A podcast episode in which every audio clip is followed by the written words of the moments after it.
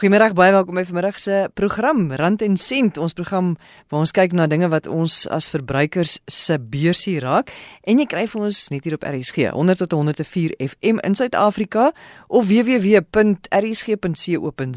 op die internet of die DStv kanaal 813.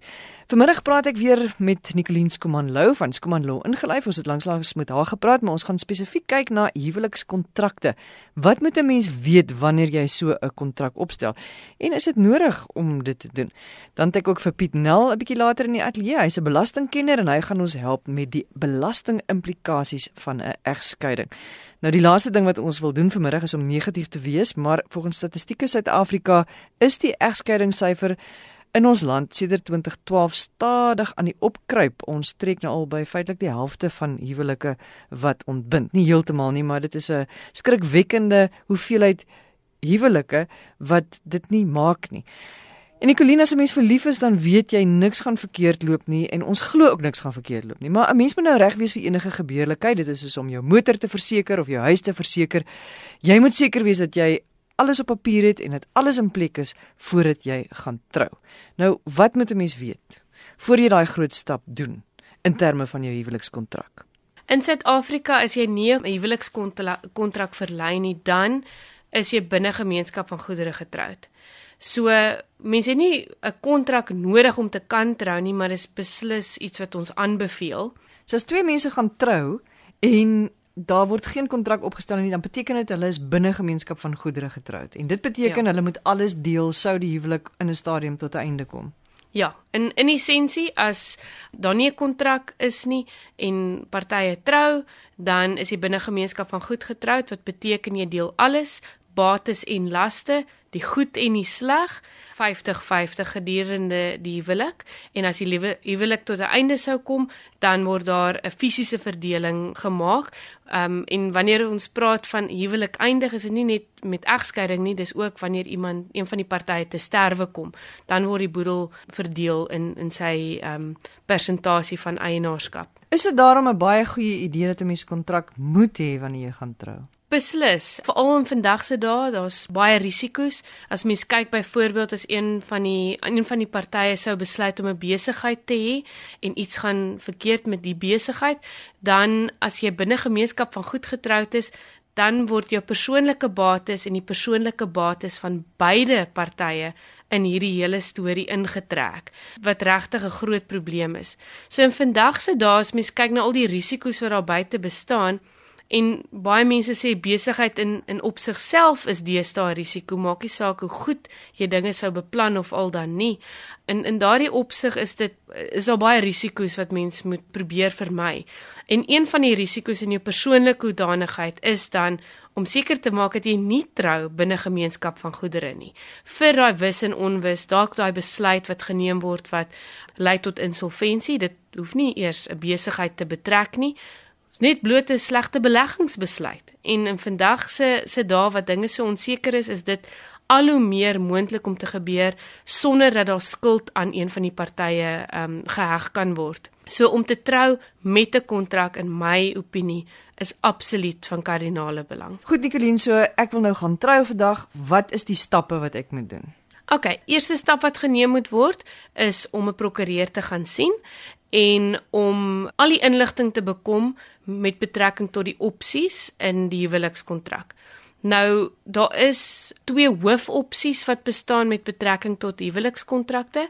Die een is buitegemeenskap van goedere sonder die aanwasbedeling en die ander buitegemeenskap van goedere met die aanwasbedeling. So stap 1 gaan sien 'n prokureur, stap 2 win inligting in omtrent jou twee opsies en stap 3 gaan praat met jou ander helfte en besluit wat is die beste opsie vir jou. Kom ons kyk na hierdie twee hoofopsies. Mhm. -huh. Buitegemeenskap van goedere met die aanwasbedeling, wat beteken dit? Wel dit is nogal moeilik om om te verduidelik. Ek sê altyd vir kliënte, dis makliker om dit te verduidelik aan die hand van 'n konkrete voorbeeld. So ek gaan ek gaan dieselfde voorbeeld nou aanwend. Dit is 'n baie ekstreme voorbeeld en sal dalk nie in praktyk so kan werk vir vele redes nie, maar dit is ekstreem sodat dit die beginsel baie hard en duidelik oordra. Buitegemeenskap van goedere beteken die boedels is apart. Met ander woorde, binne gemeenskap beteken jy jy sit alles in een boedel in uh, of een gesamentlike boedel word gestig, geen aparte boedels nie. So dis die eerste ding. Daar's twee aparte boedels en wat wat gebeur wanneer die huwelik eindig is die belangrike deel. So huwelik eindig op afsterwe of op egskeiding en wanneer dit gebeur, moet daar 'n berekening plaasvind. So in die kontrak gaan ons vasstel wat is elkeen se bates, die totale bates wat in elkeen se boedel tans inval, wat is die totaal daarvan. So kom kom ons sê beide partye kom in, een party op kom ons sê 100 000 rand en die ander party op 50 000 rand en wanneer die huwelik eindig wat op afsterwe of egskeiding kan wees, dan sit die eerste party wat ingekom het op die 100, kom ons sê hulle eindig dan op 200 000 en die tweede party wat ingekom het op 50 eindig op 100 000.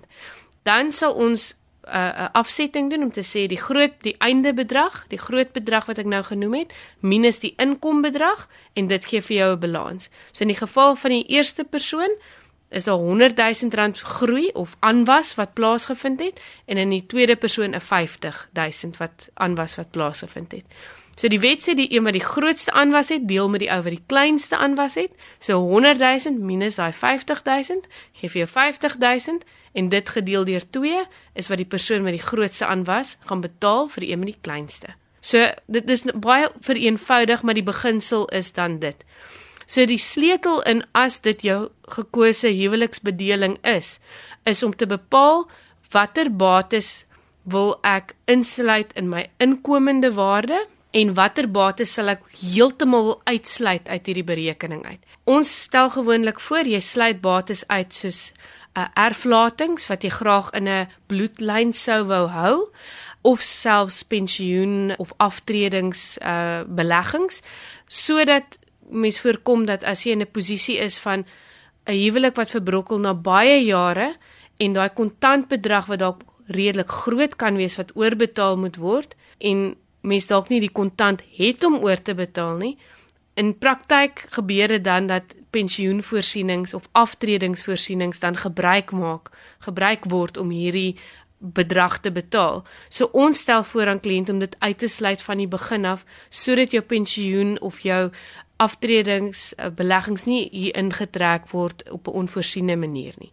En dan buiten dit moet mens maar sorg dat jy goeie finansiële beplanning gedurende jou lewenstyd toepas dat hierdie ding nie mens bekruip soos 'n dief in die nag nie. Dit word natuurlik net baie moeilik as twee mense gaan trou en die persoon wat dan nou die grootste aanwas het, verlaat die persoon wat opgehou het om aanwas in te kry omdat omdat sy na die kinders gekyk het of hy na die kinders gekyk het dit is 'n moeilike situasie en as mens teruggaan en kyk hoekom die aanwasbedeling geskep is, dit was vir hierdie doeleinde geskep in die begin dat wanneer daar in 'n huwelik twee partye is, een wat sê net maar die broodwinnersrol speel en die ander een wat die huismaker is of of na die na die kinders omsien dat daardie persoon bring ook ons wou erkenning gee dat daardie persoon wel iets bring na die verhouding toe na die huwelik toe al is dit nie 'n rand sent waarde nie sodat ons die skale kon uitbalanseer dit was die gedagte agter dit maar die feit van die saak is in baie gevalle voel die persoon wat die grootste aanwas het dit is hulle handewerk dit is hulle werk wat hulle gedoen het en net hulle is geregtig daartoe. Veral natuurlik as dinge dalk um, verbrokkel as gevolg van 'n egskeiding dan is die emosies baie hoog en dit is net maar een van daai dinge. Ek sê altyd vir kliënte as jy in daai posisie is wat jy meer inkomste genereer, 'n groot 'n groter aanwas toon, as jy weet in jou hart van harte dat dit waarskynlik nooit gaan verander nie, dan moet jy jouself daai vraag vra of jy bereid is om te deel. En as die antwoord nee is, is dit seker seker baie blaatant van my om te sê dan is dit dalk nie die nie die beste bedeling vir julle in julle huwelik nie. So hierdie was nou buitegemeenskap van goedere met aanwasbedeling. Buitegemeenskap van goedere sonder aanwasbedeling, wat behels dit kortliks? Dis sekerlik baie eenvoudiger, um, 'n um, baie eenvoudiger bedeling met betrekking in vergelyking met die aanwasbedeling in die sin dat dit nie 'n berekening toeskryf aan die kontrak wat geïmplementeer moet word wanneer die huwelik eindig nie. Dit is baie eenvoudig. Ek sê altyd wat myne is is myne en wat joune is is joune. Met ander woorde, daar's 'n absolute skeiding van die boedels. Met ander woorde alles wat joune is of dit op 'n titelakte geregistreer is of op 'n registrasiepapier van 'n voertuig of of uh, een of ander soortgelyke bate of 'n bankrekening in jou naam. Dit wat in jou naam geregistreer is, is joune en dit wat in jou ander helfte sin geregistreer is, is dan hare of syne. So baie eenvoudig wat myne is is myne, wat joune is is joune. Is dit nie eintlik maar die manier om dit dan te doen nie? Persoonlik dink ek dit is um 'n uh, vraag wat elke paartjie op hulle eie gaan moet antwoord. Die feit van die opsie met die aanwasbedeling is dat dit in 'n sekere opsig vir jou dink in terme daarvan dat dit die skale uitbalanseer wanneer jy huwelik eindig. Met ander woorde, as daar 'n oneweredigheid is omdat een persoon byvoorbeeld huis maak en die ander persoon klim daai koöperatiewe leer en groei hulle boedel terwyl die ander persoon dit fisies nie kan doen nie maak die aanwasbedeling daai situasie gelyk. Maar dit is ook moontlik om dieselfde praktiese effek te hê met goeie beplanning en met goeie bestuur So weer eens dit gaan oor hoe neem jy jou besluit in jou huwelik? Hoe praat jy daaroor? Word elke besluit gesamentlik geneem? Word dit deurdag geneem om hierdie onewe redigheid wat kan tot stand kom om dit te bestuur en om dit gelyk te maak. Is dit altyd in in die paartjie se agterkop is en dit is besluite in daai opsig aan die hand daarvan geneem word is nie een een stelsel nie beter as die ander stelsel nie. Dan sit absoluut gaan dit oor bestuur. Nicoline baie dankie weer vir jou tyd en jou inligting. Dis Nicoline Skuman Lou, sy's van Skuman Law ingelyf in Kaapstad.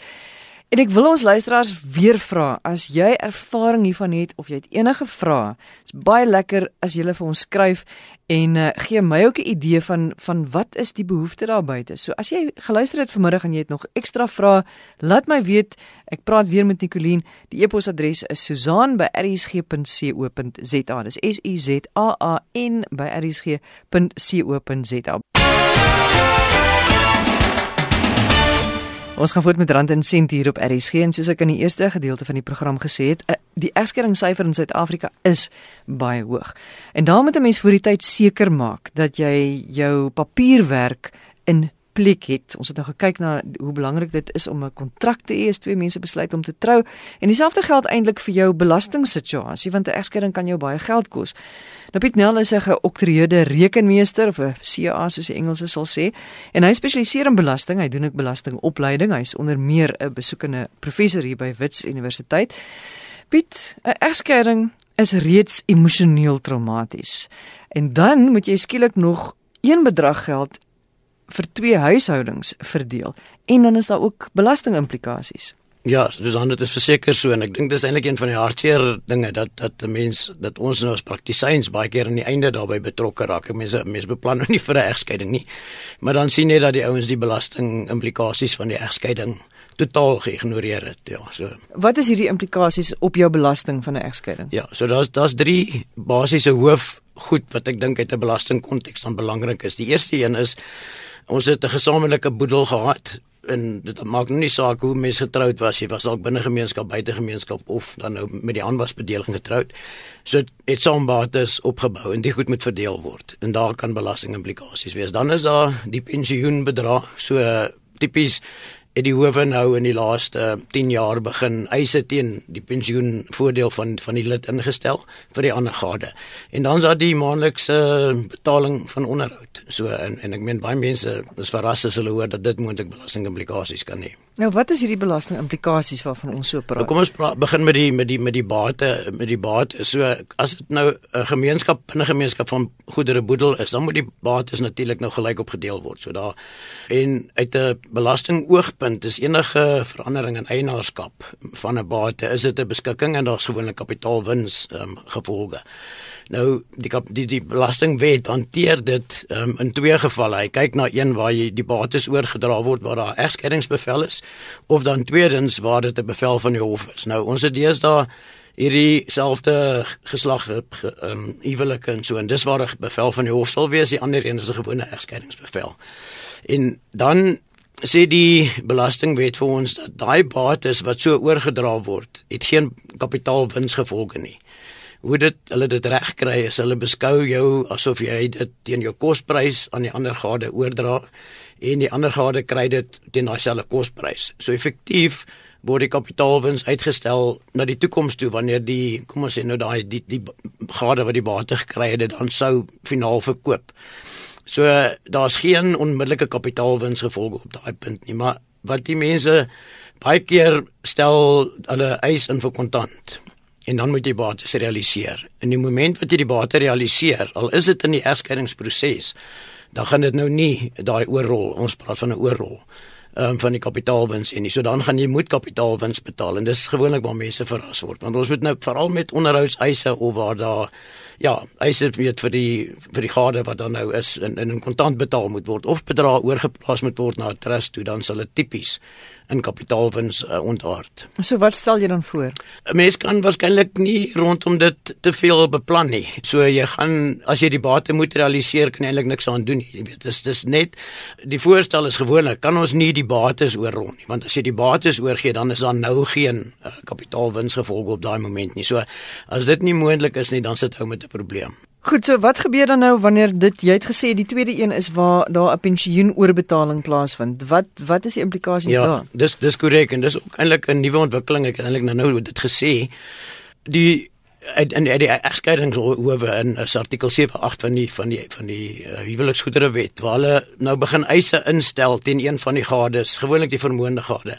En dan sê hulle maar jy het nou vir jare bygedra of, of sy het dalk bygedra tot 'n pensioenfonds en nou wil die ander gade is geregtig op gedeelte van daai pensioenfonds. Ek meen as jy huwelik gehou het en hulle saam afgetree sou saam 'n pensioen geleef het. So dis 'n dis 'n baie billike beginsel.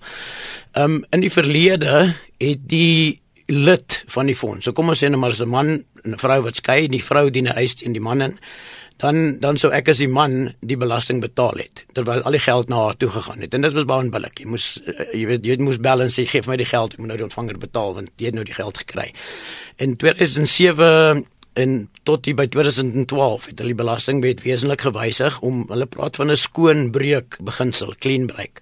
Hulle sê ons gaan toelaat dat jy basies uit die pensioenfonds kan klim en as jy dan die kontant uitneem dat die persoon wat die kontant van die belasting betaal. Nou hier is 'n belastingbesparingsgeleentheid. 'n Mens wil nie eintlik jou pensioenfonds geld onttrek nie. Ek meen dit is gewoonlik as daar nood as jy dit wil uithaal. Maar as 'n mens dit eenvoudig van die man se fonds na 'n bewaringsfonds of na die vrou se fonds oorplaas, so van die een gade na die ander, dan is dit ook belastingvry. So dis amper dieselfde as die kapitaalwins wat jy dan die, die belasting eers in die toekoms gaan kry, maar die moment wat jy dit in kontant uitneem, dan gaan daar belasting wees. En die derde een is waar jy onderhoud onderhoud moet betaal vir kinders. Dis reg, ja. Wel ook vir die langslewende ag, langslewende gade ja, vir ja, die, ja. die, die, die uh, huwelik of egskeiding is waarskynlik net so erg soos dood. Ja, dit is die wet eintlik maak spesifiek voorsiening daarvoor. Voor 1962 wat ons belastingwet in werking getree het, was dit totaal ander bedeling. So nou sê hulle as ek maandelikse onderhoud ontvang, dan is dit soortgelyk as 'n as 'n inkomste. So hulle beskou dit as bruto inkomste, maar hulle stel dit onmiddellik van belasting vry. So ek het verlede twee weke terug by 'n seminar gepraat en ek dit sê ek kan sien hoe die mense skrik want jy's niemand het gedink jou onderhoudskoste is is is is belasbaar nie. So dit is nie belasbaar nie omdat die wet dit spesifiek belasting vry maak. Maar die onderhoud van die kinders, so waar daar eh, 'n uh, bevel is vir 'n uh, en gewoonlik is dit ook waar die man agter of een van die gades agterraak met die betaling van die onderhoud van 'n kind. Dan sal die hof 'n bevel gee, onderhoudsbevel vir 'n kind. Daai geld word uit die gades se se pensioenfonds uitgehaal. En daai geld is aanbelasbaar. So waar jy dan maandeliks geld trek om die kind te betaal en die die fonds betaal dit eenvoudig oor aan die, aan die vrou of aan die kind.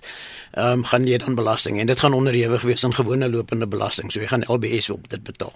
Maar beteken dit jy wil liewer nie agterraak nie? Dis die eerste ding want want dit eet in jou in jou pensioenfonds bedrag in. So jy wat nou as oorblywende gade is, jy het nou alreeds die helfte van jou pensioenfonds in die, in die egskeidingsbevel uh, oorgegee aan die ander gade en nou raak jy agter met jou met jou onderhoudsgeld en en nou haal hulle dit uit en dis belasting. Ja, so de, de, hulle moet meer uithaal omdat daar belasting is. So hulle hulle trek 'n bietjie meer geld uit die fonds uit. So jy wil nie agterraak nie. En ek meen uit die kind se oogpunt ook en die vrou se kind. Jy wil nie dat die dat die gade moet agterraak met die onderhoudsbetaling is nie, maar dis die realiteit, dit gebeur. Die gevoel wat nou by my opkom terwyl jy so praat, is in die geval van 'n egskeiding, dink 'n mens nie altyd rasioneel nie. Daar's soveel emosies by betrokke. Dink jy dat 'n mens kan as jy nou rasioneel kan wees en jy kan gaan sit, kan jy 'n plan maak om al hierdie belasting implikasies 'n bietjie te verminder of te versag? 'n Mens kan, ja, 'n mens kan en en ek dink jy is heeltemal reg. Dit is dis dis emosioneel en en en ons as belastingpraktisyns en omdat nie mense nommer 1 nie dink daar is nie raak op 'n laat stadium daarbey betrokke. So jy's klaar daar as die bates verkoop is en die geld is uit die fonds gehaal en so.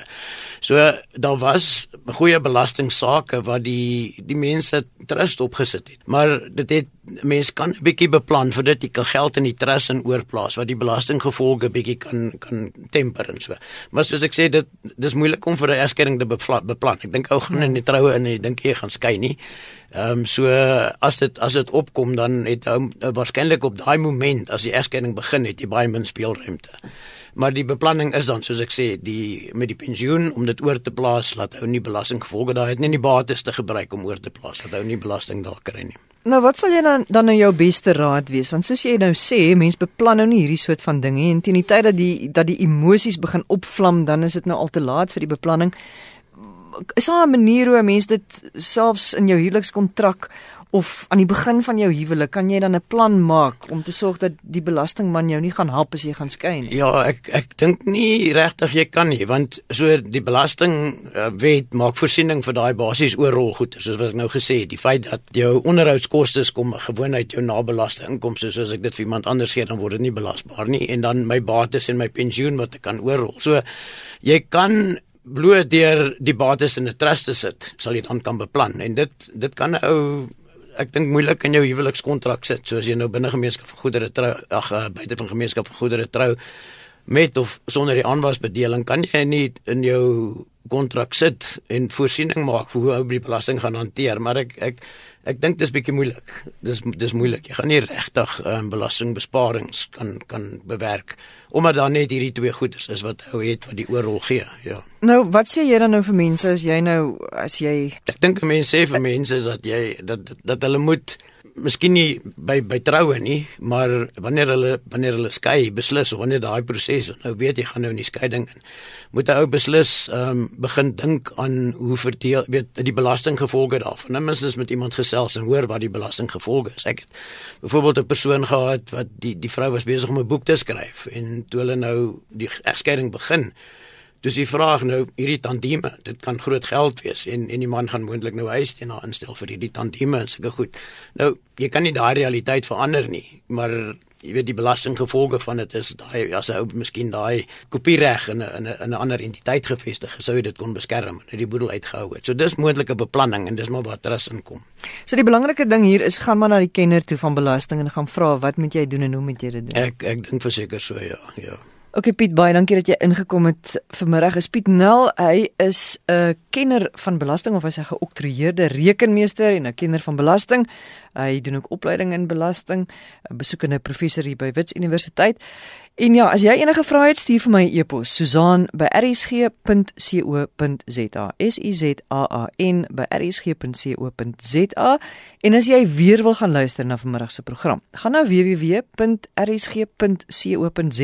klik op potgooi, dan tik jy rand en sent daar onder by die program in en dan tik jy druk jy op soek en dan sal hy vir jou uh, die datums al ons gesprekke van Rand en Sent is daar op die web uh, op die webblad so jy kan gerus net daar 'n draai gaan maak.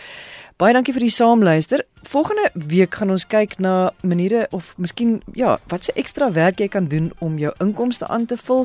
Ons gaan nou kyk na as jy 'n onderneming het en jy besluit maar jy wil uh, vennote inbring by die onderneming, hoe moet jy dit doen en jouself veilig hou en ook hulle beskerm? En ons gaan kyk na jou beleggings of liewer jou aftreebeleggings wanneer die ekonomiese tye moeilik is. So onthou volgende Sondag weer in te skakel. Van my Susan Stein, ek hoop dit is 'n wonderlike week vir jou. Totsiens.